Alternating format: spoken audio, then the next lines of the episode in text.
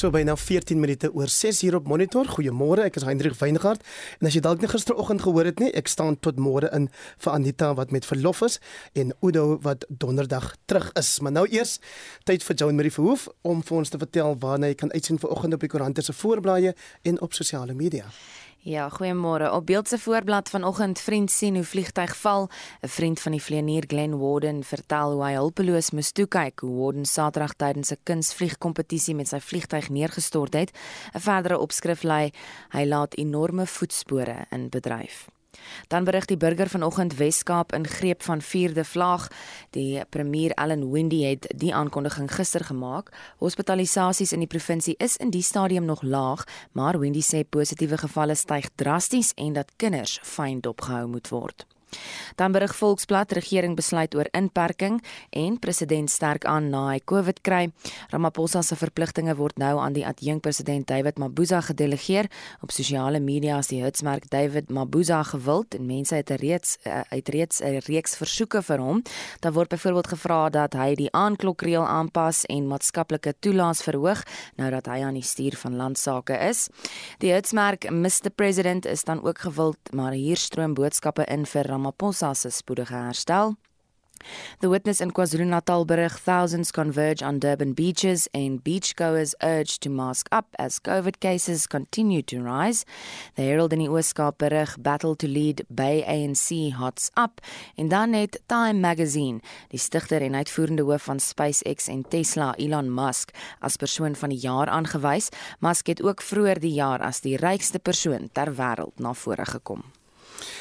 Dan kollega Joan Marie Verhoef en nou staan die oorlosie by byna 16 minute oor 6.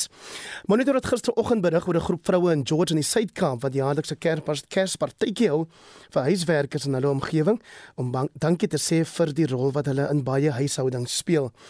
Nou die tyd van die jaar is daar byvoorbeeld baie huishulpe, tuinwerkers en so voort wat ekstra betaling of selfs 'n bonus kry vir die jaar se diens. Steek jy ook die feestyd jou hand dieper in jou sak om jou werkers ietsie ekstra te gee? Is dit iets wat jy al vir jare doen of gee jy eerder kryde nuusware of 'n kospakkie? Ons wil graag van jou hoor by ons SMS lyn. Dit is 4589. Dit kos jou 150 elk of jy praat saam op die Monitor en Spectrum Facebookblad. Anders kan jy vir ons 'n stemnota via WhatsApp stuur van so 30 sekondes na 076 536 6961. Daai nommer is 076 536 6961. Die polisie in KwaZulu-Natal ondersoek ses aanklagte van moord na 'n skietery by 'n huis in Volweni, suid van Durban. Onbekende gewapende mans het na bewering die slagoffers aangeval en vier mans en twee vroue doodgeskiet. Die sewende slagoffer, 'n vrou wat die aanval oorleef het, is in die hospitaal opgeneem. Die motief vir die moorde is onbekend en niemand is nog in hegtenis geneem nie. Bietjie van 'n merwe berig. 'n Partytjie van vriende het in 'n bloedbad ontaard. Die sewe jong slagoffers het laat Saterdag nag in 'n informele struktuur by 'n huis in Volweni saamgetrek en is daardeur onbekende verdagtes geskiet. Volgens die eienaar van die huis het haar seun en sy vriendin gewoonlik hulle vriende oorgenooi na sy struktuur om dwelms tot laat in die nag te rook. Tandazile Mtembu sê die groep was besig met hulle gewone tydverdryf tydens die aanval. It was my son and his girlfriend. They came back with their friends to smoke. They usually come over at his shack. Before I knew it, I heard gunshots and I laid down. From the time the incident happened last night, we tried to call the police and ambulance, but there was no response. Until in the morning, his sister came and we hired a car to get to the police station. The other five people who were with them were their friends who had been visiting with their girlfriends. Nog 'n familielid, Ziabuya Mtembu, wat in 'n ander gebou buite die huis was, sê die familie is geskok. Sy sê nog meer vernietigend is dat die jong mense by hulle eie huis vermoor is. We are really devastated because it is female adults in this house. I peeped through the window. I saw people shooting, but I didn't see their faces. When they suspected that I was standing at the window, they pointed the gun towards my window, so I lay flat on my stomach. Die polisie ondersoek 6 klagtes van moord en een van poging tot moord. Die woordvoerder van die polisie, Jay Niker, sê 'n provinsiale taakspan sal die gruisame aanval ondersoek. The Provincial Commissioner felt that it was necessary to appoint the Special Provincial Investigative Unit to take over this investigation. And so, as we speak now, detectives from the Provincial Office and the District Office are here assisting in the investigation. So, we're hoping with that sort of capacity that's been given to this investigation, there will be a breakthrough soon. Die polisie het enige persoon met inligting gevra om na vore te kom. Die polisie ondersoek ook of die voorval met dwelms verwant is. Nonjabulu Mtugwa Makamu het hierdie verslag saamgestel. Mitsi van der Merwe, SAK-nuus. Nou 19 minute oor 6 hier op Monitor KwaZulu-Natal se ALR vir onderwys Kwasi Mshengo is die openbare beskermer vrygespreek op beweringe dat hy die etiese kode vir uitvoerende amptenare oortree het.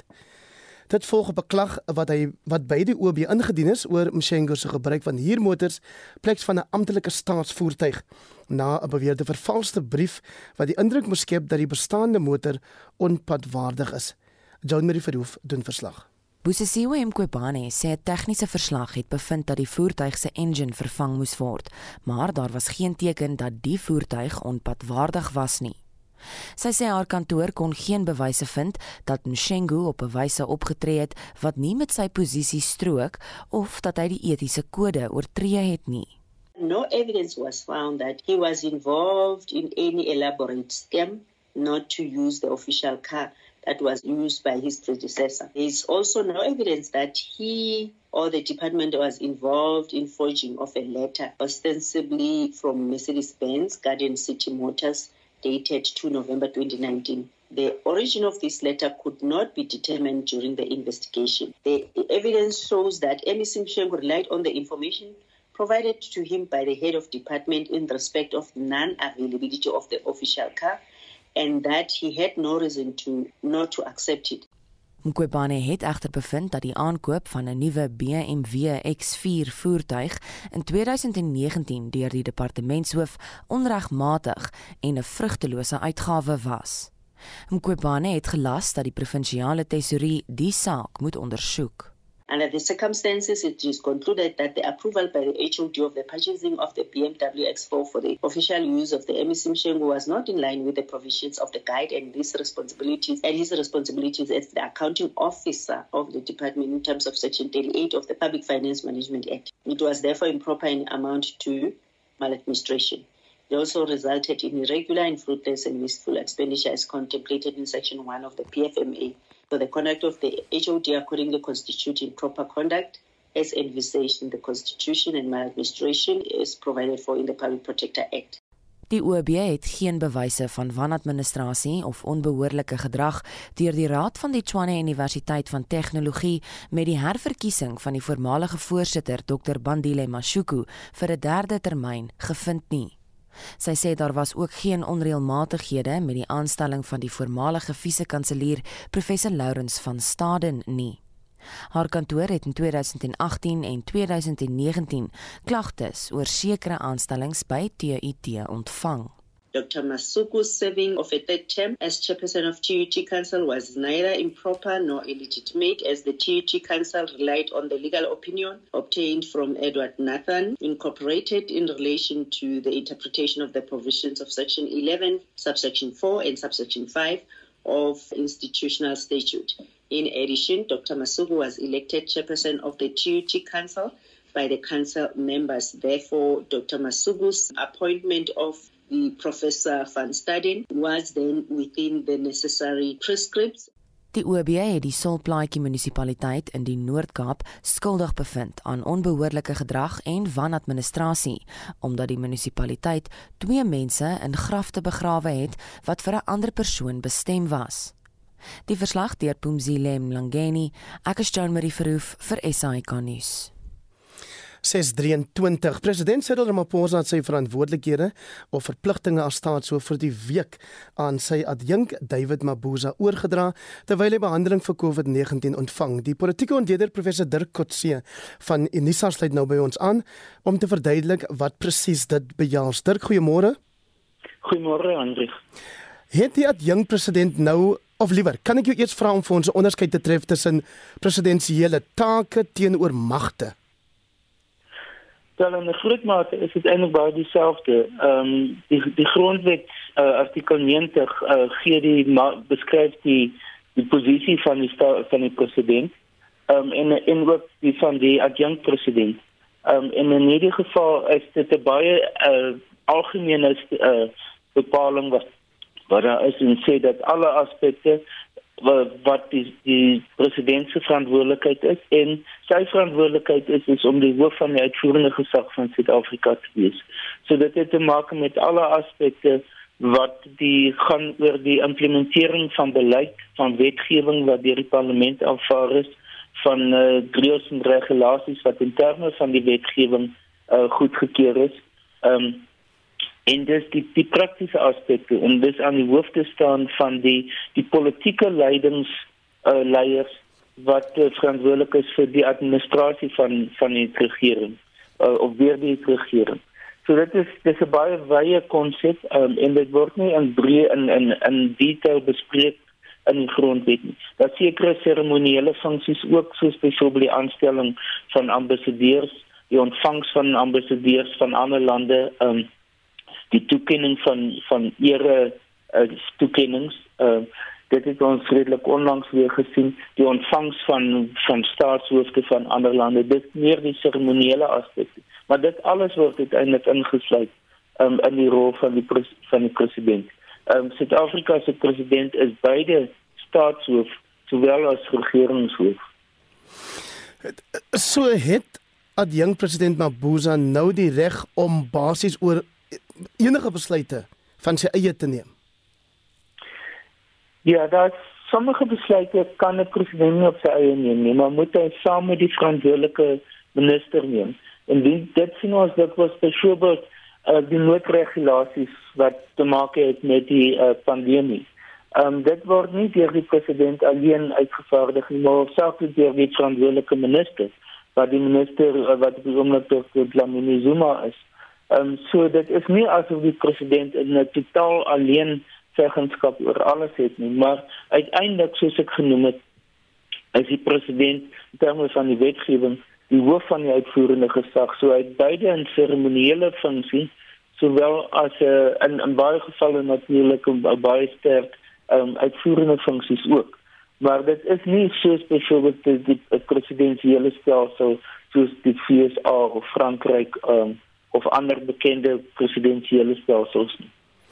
Dit kan nog gereeld gebeur dit in elk geval hier by ons dat die president sy magte oordra aan sy adjunk of dan nou aan senior ministers.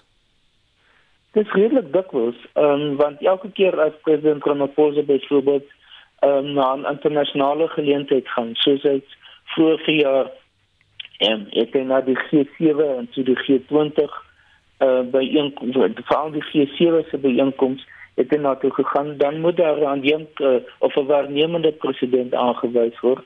Um of wanneer hy uh op op om uh, op vakansie gaan selfs um om sekere tye van die jaar. Dan is daar 'n waarnemende president wat vir hom instaan. In 'n land soos Suid-Afrika waar daar baie agterdog bestaan oor van die ministers wat in baie senior poste in ons kabinet dien, sal jy sê ons kan hom gerus slaap dat die president goeie oordeele in die dag sal lê wanneer sy adjunk nie beskikbaar is nie om 'n minister aan te stel waaroor ons nie sien wie agter te raak nie.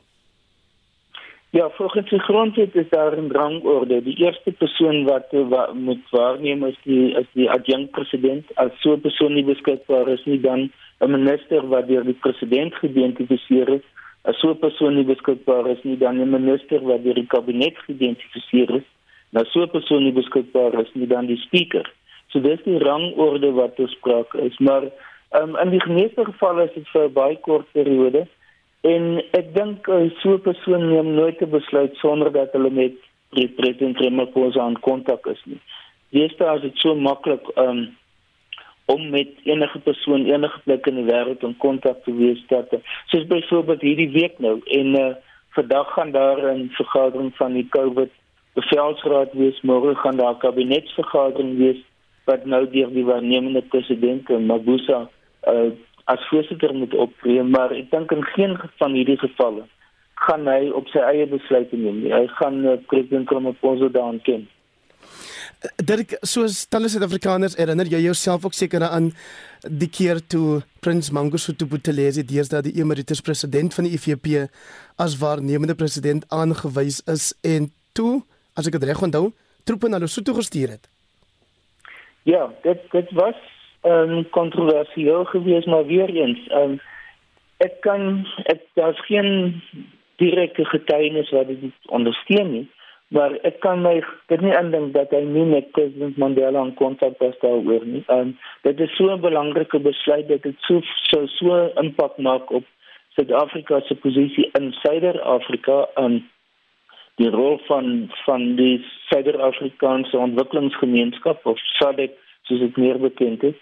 Ehm um, wat vir president Mandela daardie stadium so belangrik veral in sy verhouding met president Mugabe ehm um, dat uh, die waarnemende president uh, die kollegie uh, dat definitief nie sonder sy kennis sou doen nie. Dirk baie dankie vir jou tyd vanoggend daar aan die politieke ontleder professor Dirk Kotse van Unisa. Ons het jou ook vroeër gevra om vir ons 'n SMS te stuur of 'n WhatsApp boodskap of om op Facebook met ons saam te gesels oor ons Luisteraars vraag vanoggend, Joanie het gaan kyk wat julle sê. Ja, steek jy dalk tydens die feestyd jou hand in die sak om jou werkers ietsie ekstra te gee? Is dit iets wat jy dalk al vir jare doen of gee jy eerder iets anders? Kruideniersware, 'n kospakkie of 'n Kersgeskenk? Koos skryf op Facebook, deel van die kontrak is 'n bonus einde November. Sy kry 'n pakkie wat voorsiening maak vir 'n lekker Kersete en 'n klein geskenk. Sy is 21 jaar in ons diens en ons het groot waardering vir haar bydrae om ons huishouding vlot te laat loop.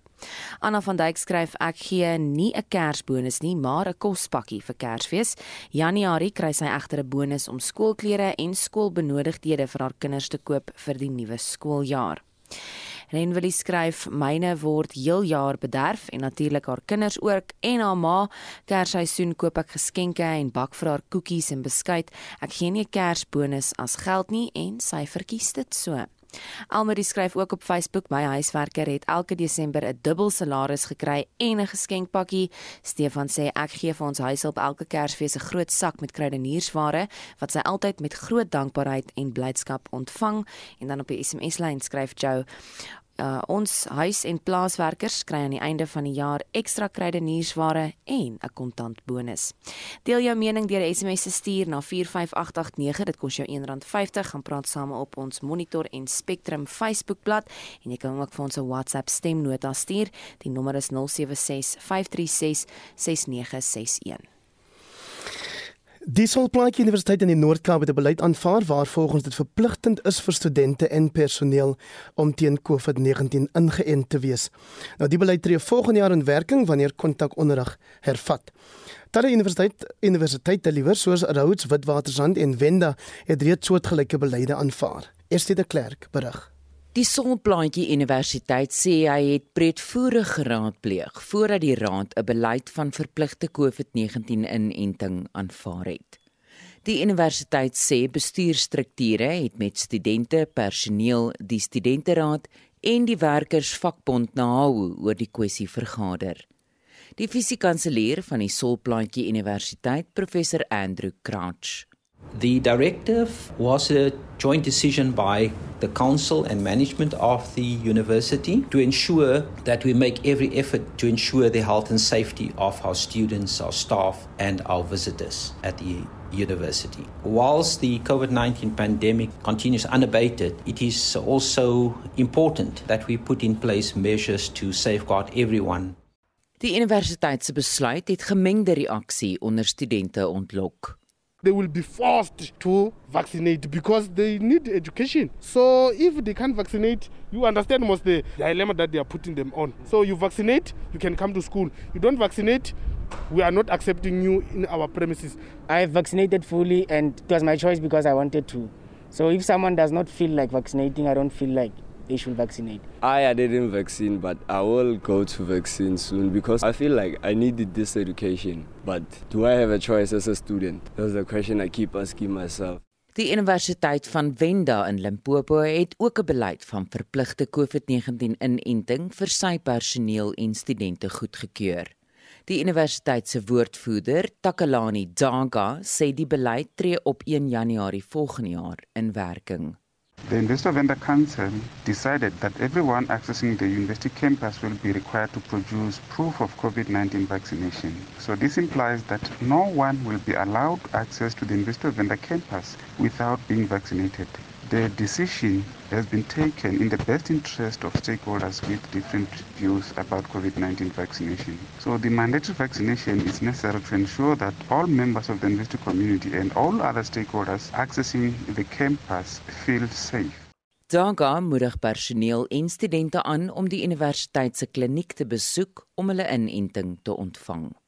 So the investment management is committed to implement this policy in a manner that will not alienate staff and students and other members of the public. So we continue to encourage staff and students as well as other stakeholders to get vaccinated. So staff and students are therefore encouraged to visit the Investor Vendor Campus Health Clinic for vaccination.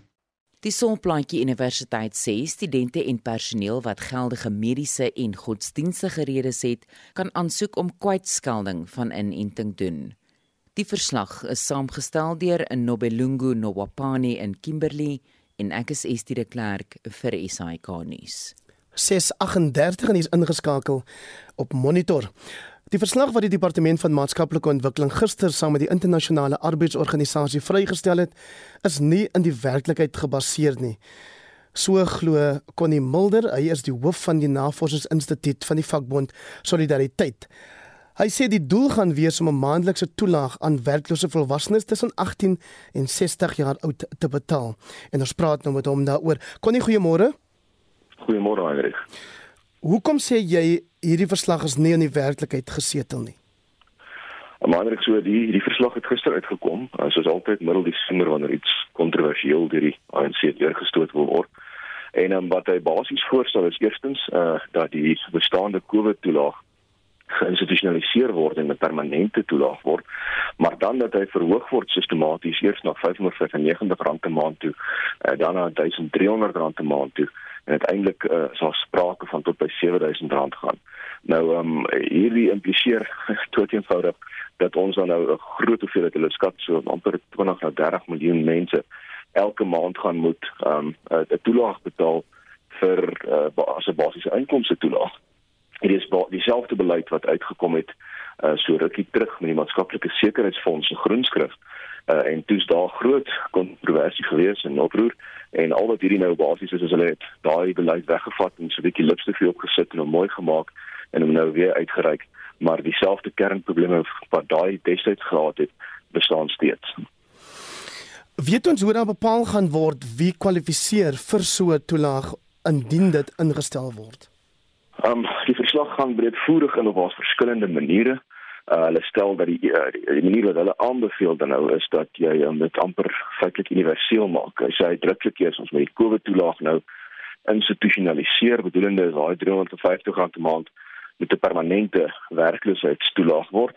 En dan daarna um, moet ons kyk of ons moet vir mense wat onder 'n sekere hoeveelheid verdien wat 'n reuse administratiewe taak van selfsprekend is of ons moet dit universeel maak dat almal in die land dit kry ehm um, maar dan die wat belasting betaal moet dit nou nie baie daarby nie sodat word moet dan teruggeklou word op 'n manier uh vanaf daai mense se inkomste. Is daar 'n tydraamwerk hier dan gekoppel? Ehm um, ja, hierdie verslag is nie 'n tydraam nie wat interessant is van die verslag is uh dis en en al die en die vleis van die verslag is baie eerlik oor die feit dat Suid-Afrika glad nie hierdie kan bekostig nie dat die fiskale situasie regtig benard is. Um en dat hulle staat maak op enorme groei wat dan nou moet ontstaan as gevolg van die maar hulle sê ook uh, as geen waarborg dat dit gaan gebeur nie, maar in die aanbevelings um dan sê hulle maar ons moet hierdie implementeer. So dit is 'n bietjie verwardheid wat mens waarneem, dit is baie eerlik in die liggaam by die gevolgtrekking 'n bietjie meer polities. As geen besliste tydraamwerk nie wat wel uitdruklik gestel word is die COVID toelaag moet eers geïnstitusionaliseer word en dan moet ons uh, nadat hy stabiel is uh, begin om uh, die toelaag te lig sistematies tot ons kom by die doel waar ons wil wees. Is jou bekommernis meer 'n geval van dat daar so 'n toelaag oorweeg word of dat ons nie dit werklik kan bekostig nie. Um dis tweeledig. Uh, dit is uh, een dat daar so toelaag oorweeg word. Um daar so dit is al in verskeie lande in die wêreld probeer en dit het nêrens gewerk nie. Dis utopiese denke om te gaan en te sê ons gaan vir almal in die land 'n uh, inkomste betaal en te dink dit gaan geen impak op uh, produktiwiteit van jou produktiewe sektore hê nie. Dat mense nie gaan vlug met hulle belastinggeld nie al daai goeders. Tweedens is daar is glad nie geld hiervoor nie. Um, wanneer jy begin met skattings van uh, 100 miljard minimum omtrent na 500 miljard 'n uh, jaar um, as maksimum koste vir 'n land wat uh, op die absolute perke is van die fiskale ruimte wat ons kan hê, daar's ons niks meer geld oor nie, daar's niks ruimte nie. Um, dan beteken dit ons is besig met uh, beloftes maak wat ons regtig nie van die skuld kan betaal nie. En daai ongelukkigheid wat daarmee saamkom, saam met die feit dat hierdie nie regtig bewys is dat dit werk enige plek elders nie. Uh, ek verstaan nie waarom ons hierdie beleid wil volg um, eerder as jy goed doen wat regtig tot ekonomiese groei kan lei nie. Ons is absoluut desperaat om aan te hou die verkeerde goeders doen.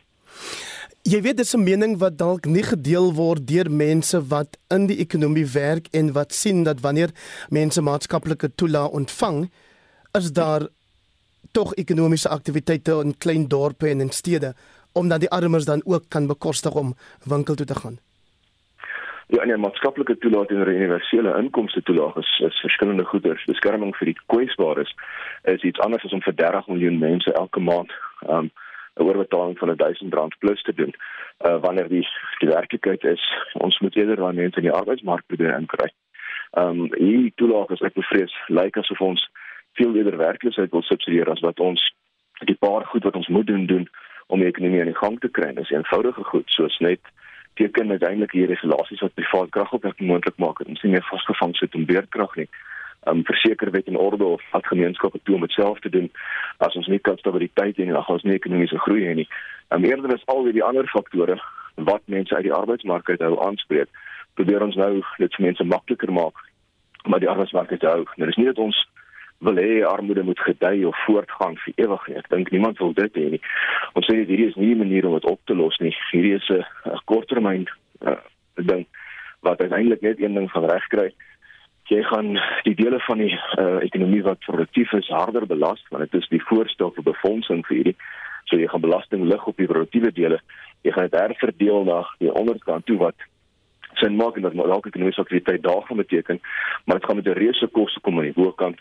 En dan moet jy in ag neem met tesorie het al 2 jaar terug gesê uh, meer of hoër belastingkoerse gaan nie lei na meer belasting nie. So ons gaan eindig is met 'n staat wat baie meer moet betaal wanneer die toelaag, uh, maar wat dit nie gaan kan befonds uit belasting uit nie, maar dit nie meer kan befonds uit lenings uit nie en dan gaan dit met die verpligting en uiteindelik uh, gaan moet kyk na alternatiewe maniere van befondsing of om net nie gaan kan nakom nie. En daai gaan uh, wees ons van presies wie ons nie wil wees nie groter sosiale onrus en meer ekonomiese uh, groei wat aan bande gelê word deur allerlei faktore want as ons belegging kort en jy beloof iemand 'n 50% belastingkoers uh, swak kragtoevoer geen wet en orde nie um, dan is die kans skraal dat mense hier gaan kom fabrieke maak wat werk kan skep Connie baie dankie vir jou insette vanoggend. Connie Mulder is die hoof van die Navorsingsinstituut by die vakbond Solidariteit. Die tyd het intussen aangeskuif na 6:45. Statistiek Suid-Afrika het die toerisme akkommodasiesyfers vir Oktober vanjaar bekend gemaak. Die situasie vertoon rooskleurig in vergelyking met dieselfde tydperk verlede jaar. Vir meer hieroor praat ons nou met professor Piet van der Merwe van die fakulteit vir ekonomiese wetenskappe by die skool vir toerismebestuur aan die Noordwes Universiteit. Piet, goeiemôre. Goeiemôre Heinrich, hoop dit gaan goed daar by julle. Inderdaad en ons hoop ook so met jou. Die totale inkomste van toerisme akkommodasie het in Oktober op 'n jaargrondslag met 95,5% gegroei in vergelyking met dieselfde tydperk in 2020 vertel Statistiek Suid-Afrika ons. Was dit te verwagte of is dit 'n verrassing? Nee, ek dink dit was te verwagte as jy gaan kyk net na verlede jaar wat het gebeur weet die ouens ons was in hard lockdown en en die ouens wat begin reis het en en, en ou kan sien in die toerismebedryf dat die die die die toeriste is regtig lus om om by te beweeg en en dit is dit is my goeie nuus om te sien dat dit gebeur het. Wat was die syfer vir Oktober verlede jaar as jy dit kan onthou hoe groot was die rol wat die COVID-19 pandemie toegespeel het. Man, Heinrich, ek kan nie die syfers onthou vir verlede jaar nie, maar wat ek wat ek kon sien op die statistiek is dat van verlede jaar Oktober tot hierdie jaar Oktober het die inkomste ehm um, weet van akkommodasie sektor met 52.9% toegeneem in die laaste jaar. En en wat ons wat ons goed is, is ou gaan kyk na die statistieke so ek uh, weet watter akkommodasie tipes het bygedra tot 'n positiewe groei van hierdie 52.9%, dan kan jy sien en dit is vir my baie interessant om dit te gaan sien is dat die akkommodasie hotelle dit het deel wat toegeneem met 34.8 persentasiepunte en as jy ook gaan kyk na ander akkommodasie dit toegeneem met 5 15.6 persentasiepunte. Ehm um, wat my interessant was vir die hotelle was dat ek ek dink ons het deel wat na na die hard lockdown in in in in verlede jaar se se COVID dat die mense bietjie begine wat weet wat ons regering van die van die um, ons lockdown regulasies begine verslap het. Ehm um, het baie van die akkommodasieplekke ook spes, uh, weet spesiale aanbiedings gehad en en dis wat ek ook ook kan duidelik sien hierso by die hotelsektor dat dit deel wat daar gegroei het. Jy weet dan bestaan tans weer ehm um, kommer oor of daar dalk weer 'n sogenaamde harde inperkings uh, maatreëls of grendeltydperk aangekondig gaan word. Die bevelsraad vergader weer vandag die kabinet môre so mense sit op jette kole wil ek amper sê. Wat wat maak jy daarvan? Ja, jy weet as ek as ek kyk na hierdie statistiek nee en dit maak my opgewonde om te sien hoe die toerisme uh, sektor weet vir al die akkommodasie sektor begin begin groei en weer weer begin hy aanwees spandeer. En en dit gaan regtig as as jy gaan kyk na hierdie statistiek ek dink al reeds die feit dat dat met met die met die nuwe variant in in in, in COVID uh, die om ehm um, laat laat dat uh, eet laat die oorsese mense wat nie gekom het, die gaan ons 'n daling kry ons sal daar versekerde daling wees in in toeriste getalle na Suid-Afrika toe en as ons nou nog harder lockdowns gaan hê uh vir Desember maand gaan dit verseker weer eens 'n groot impak gaan hê op op ons akkommodasiesektor en toerismebedryf.